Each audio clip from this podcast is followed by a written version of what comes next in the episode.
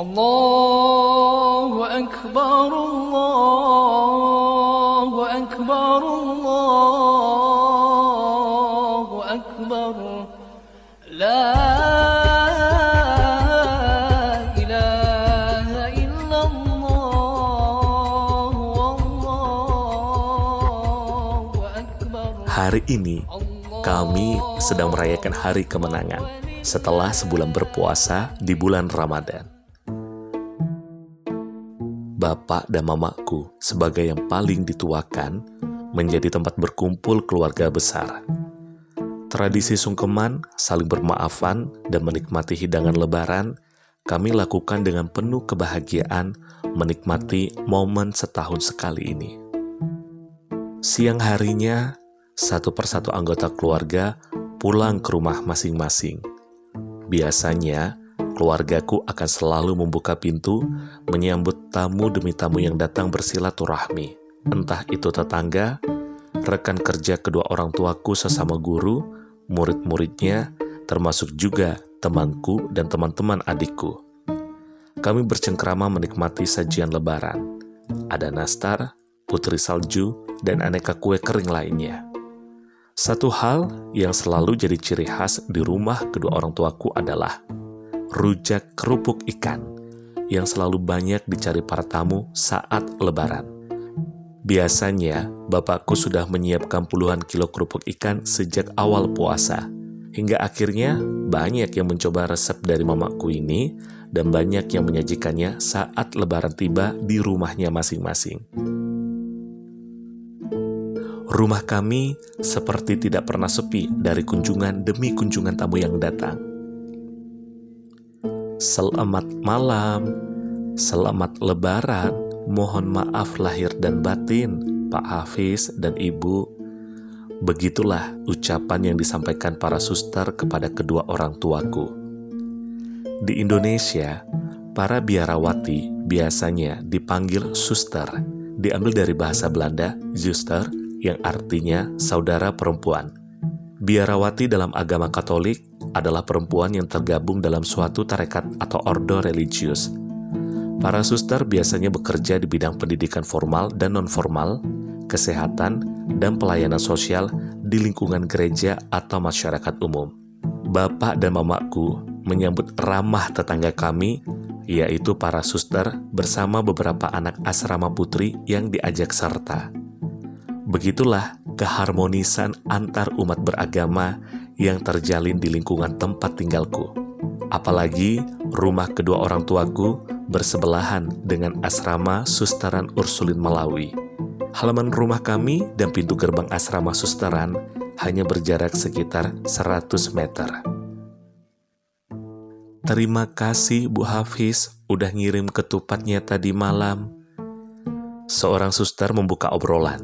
Ya, di malam takbiran, aku dan adikku mengantarkan rantang berisi ketupat, opor ayam, sambal goreng ati, dan semur daging untuk para suster.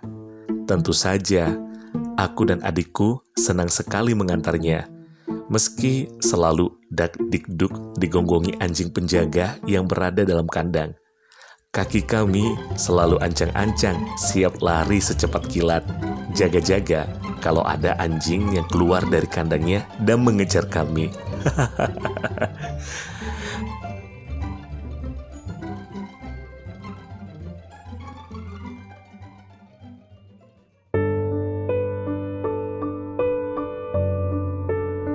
Satu hal yang bikin aku dan adikku berebutan mengajukan diri sebagai pengantar ketupat karena setelah isi rantang dipindahkan dan diserahkan kembali, ada amplop THR lebaran yang diberikan suster kepada kami.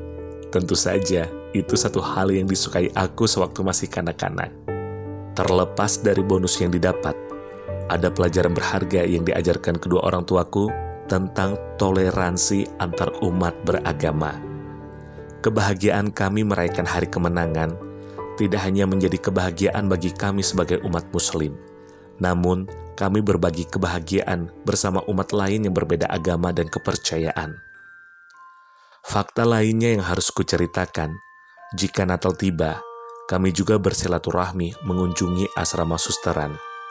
Aku dan adik-adikku hanya menyimak obrolan bapak dan mamaku bersama para suster. Kalau kami ditanya tentang sekolah, kami jawab dengan polosnya. Sama halnya saat malam takbiran. Di malam Natal, kami juga menerima hantaran dari para suster. Bukan ketupat dan opor ayam, melainkan makanan dan buah-buahan. Pernah suatu ketika, saudara sepupuku yang sedang main ke rumah berujar, Halal, apa enggak nih makanannya? Kedua orang tuaku tidak pernah mempertanyakan kehalalannya. Aku dan adik-adikku yang diprovokasi oleh abang sepupu kami jadi ragu-ragu dan ikut mempertanyakan. Padahal tahun-tahun sebelumnya, kami lahap saja menyantap segala hantaran dari asrama susteran. Bapak dan mama pun menegur kami. Para suster itu tahu kita beragama Islam. Mereka juga tahu makanan apa yang diberikan untuk kita, tidak sembarangan makanan Aku pun menyantap kembali hantaran yang diberikan saat Natal atau kadang jika ada acara besar lainnya, kami selalu dapat kiriman dari asrama susteran. Yakin dan berprasangka baik, hal itulah yang diajarkan kedua orang tuaku untuk tidak pernah berprasangka buruk pada mereka yang berbeda keyakinan ketika berbagi kebaikan. Bapakku sendiri tidak pernah menyuruh kami harus mengikuti apa yang beliau lakukan.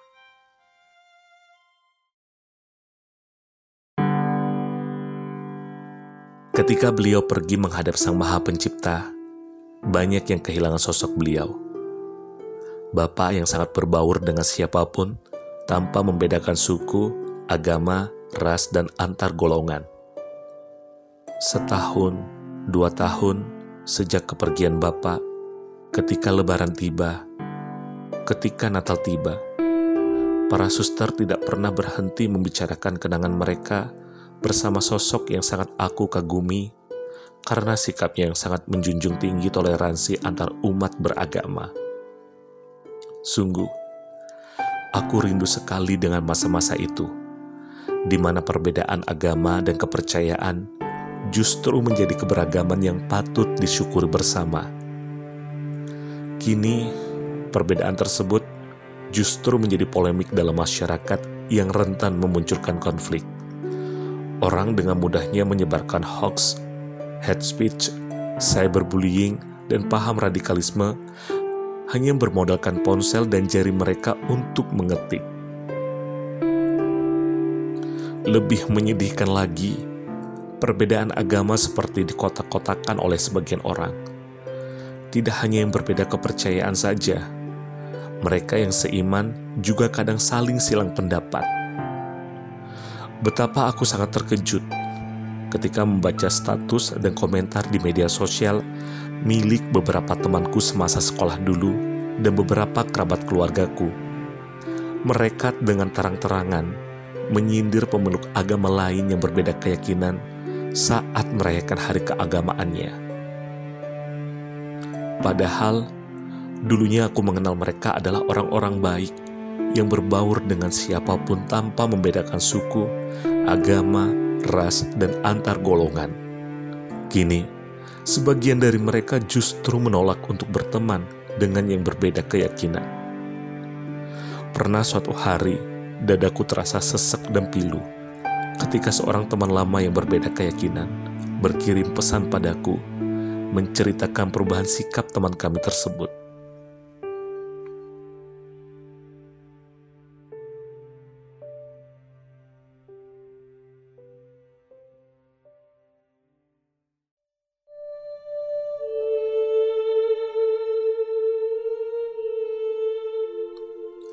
Entah sejak kapan ini dimulainya, siapa yang memulainya.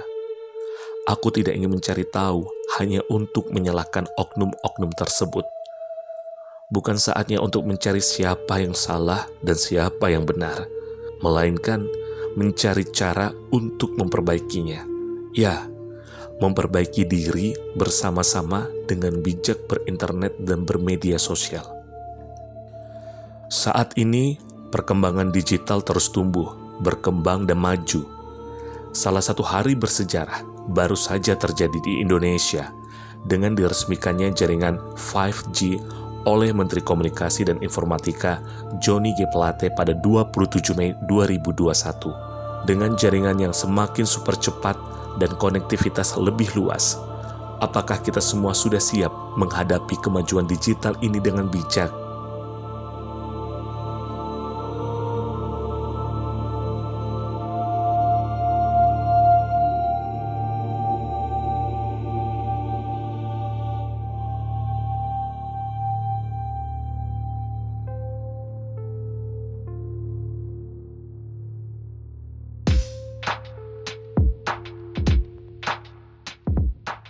Bulan Februari 2021.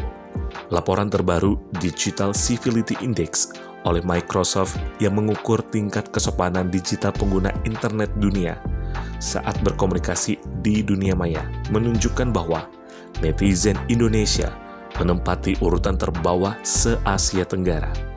Atau dengan kata lain, paling tidak sopan se-Asia Tenggara. Indonesia berada di urutan ke-29 dari 32 negara yang disurvei. Tidak pernah ada kata terlambat untuk memperbaiki ini semua. Asal jangan sampai terlambat untuk memulainya dari sekarang juga. Dimulai dari diri sendiri dengan menjadi netizen yang cerdas, santun, dan bijak dalam berinteraksi di ruang digital. Aku, kamu, dan kita semua adalah orang baik Aku yakin kamu akan merasa senang jika ada teman baik yang berkomentar baik tentang kamu. Aku yakin kamu akan merasa termotivasi untuk lebih berkembang dan maju jika karyamu diapresiasi oleh orang-orang baik. Aku yakin betapa beruntungnya kamu lahir dan besar di Indonesia dengan segala keberagamannya yang akan semakin terawat dan terjaga berkat toleransi yang dijunjung oleh kita semua. Sama seperti halnya manusia yang lahir ke dunia ini dalam keadaan suci dan murni. Kita lahir ke dunia ini untuk belajar hal-hal baik agar menjadi orang-orang baik. Begitu pula diciptakannya ruang digital, ruang yang semakin memudahkan kita untuk berinteraksi dan berkomunikasi ini. Tujuan awalnya adalah untuk digunakan hal-hal yang baik. Jika setiap orang baik menggunakan sesuatu hal yang baik, maka akan semakin banyak kebaikan yang menyebar dan terus menyebar, baik di dunia maya maupun di dunia nyata. Jika lebih banyak konten-konten baik yang diproduksi para kreator di ruang digital, maka akan didominasi informasi yang bermanfaat.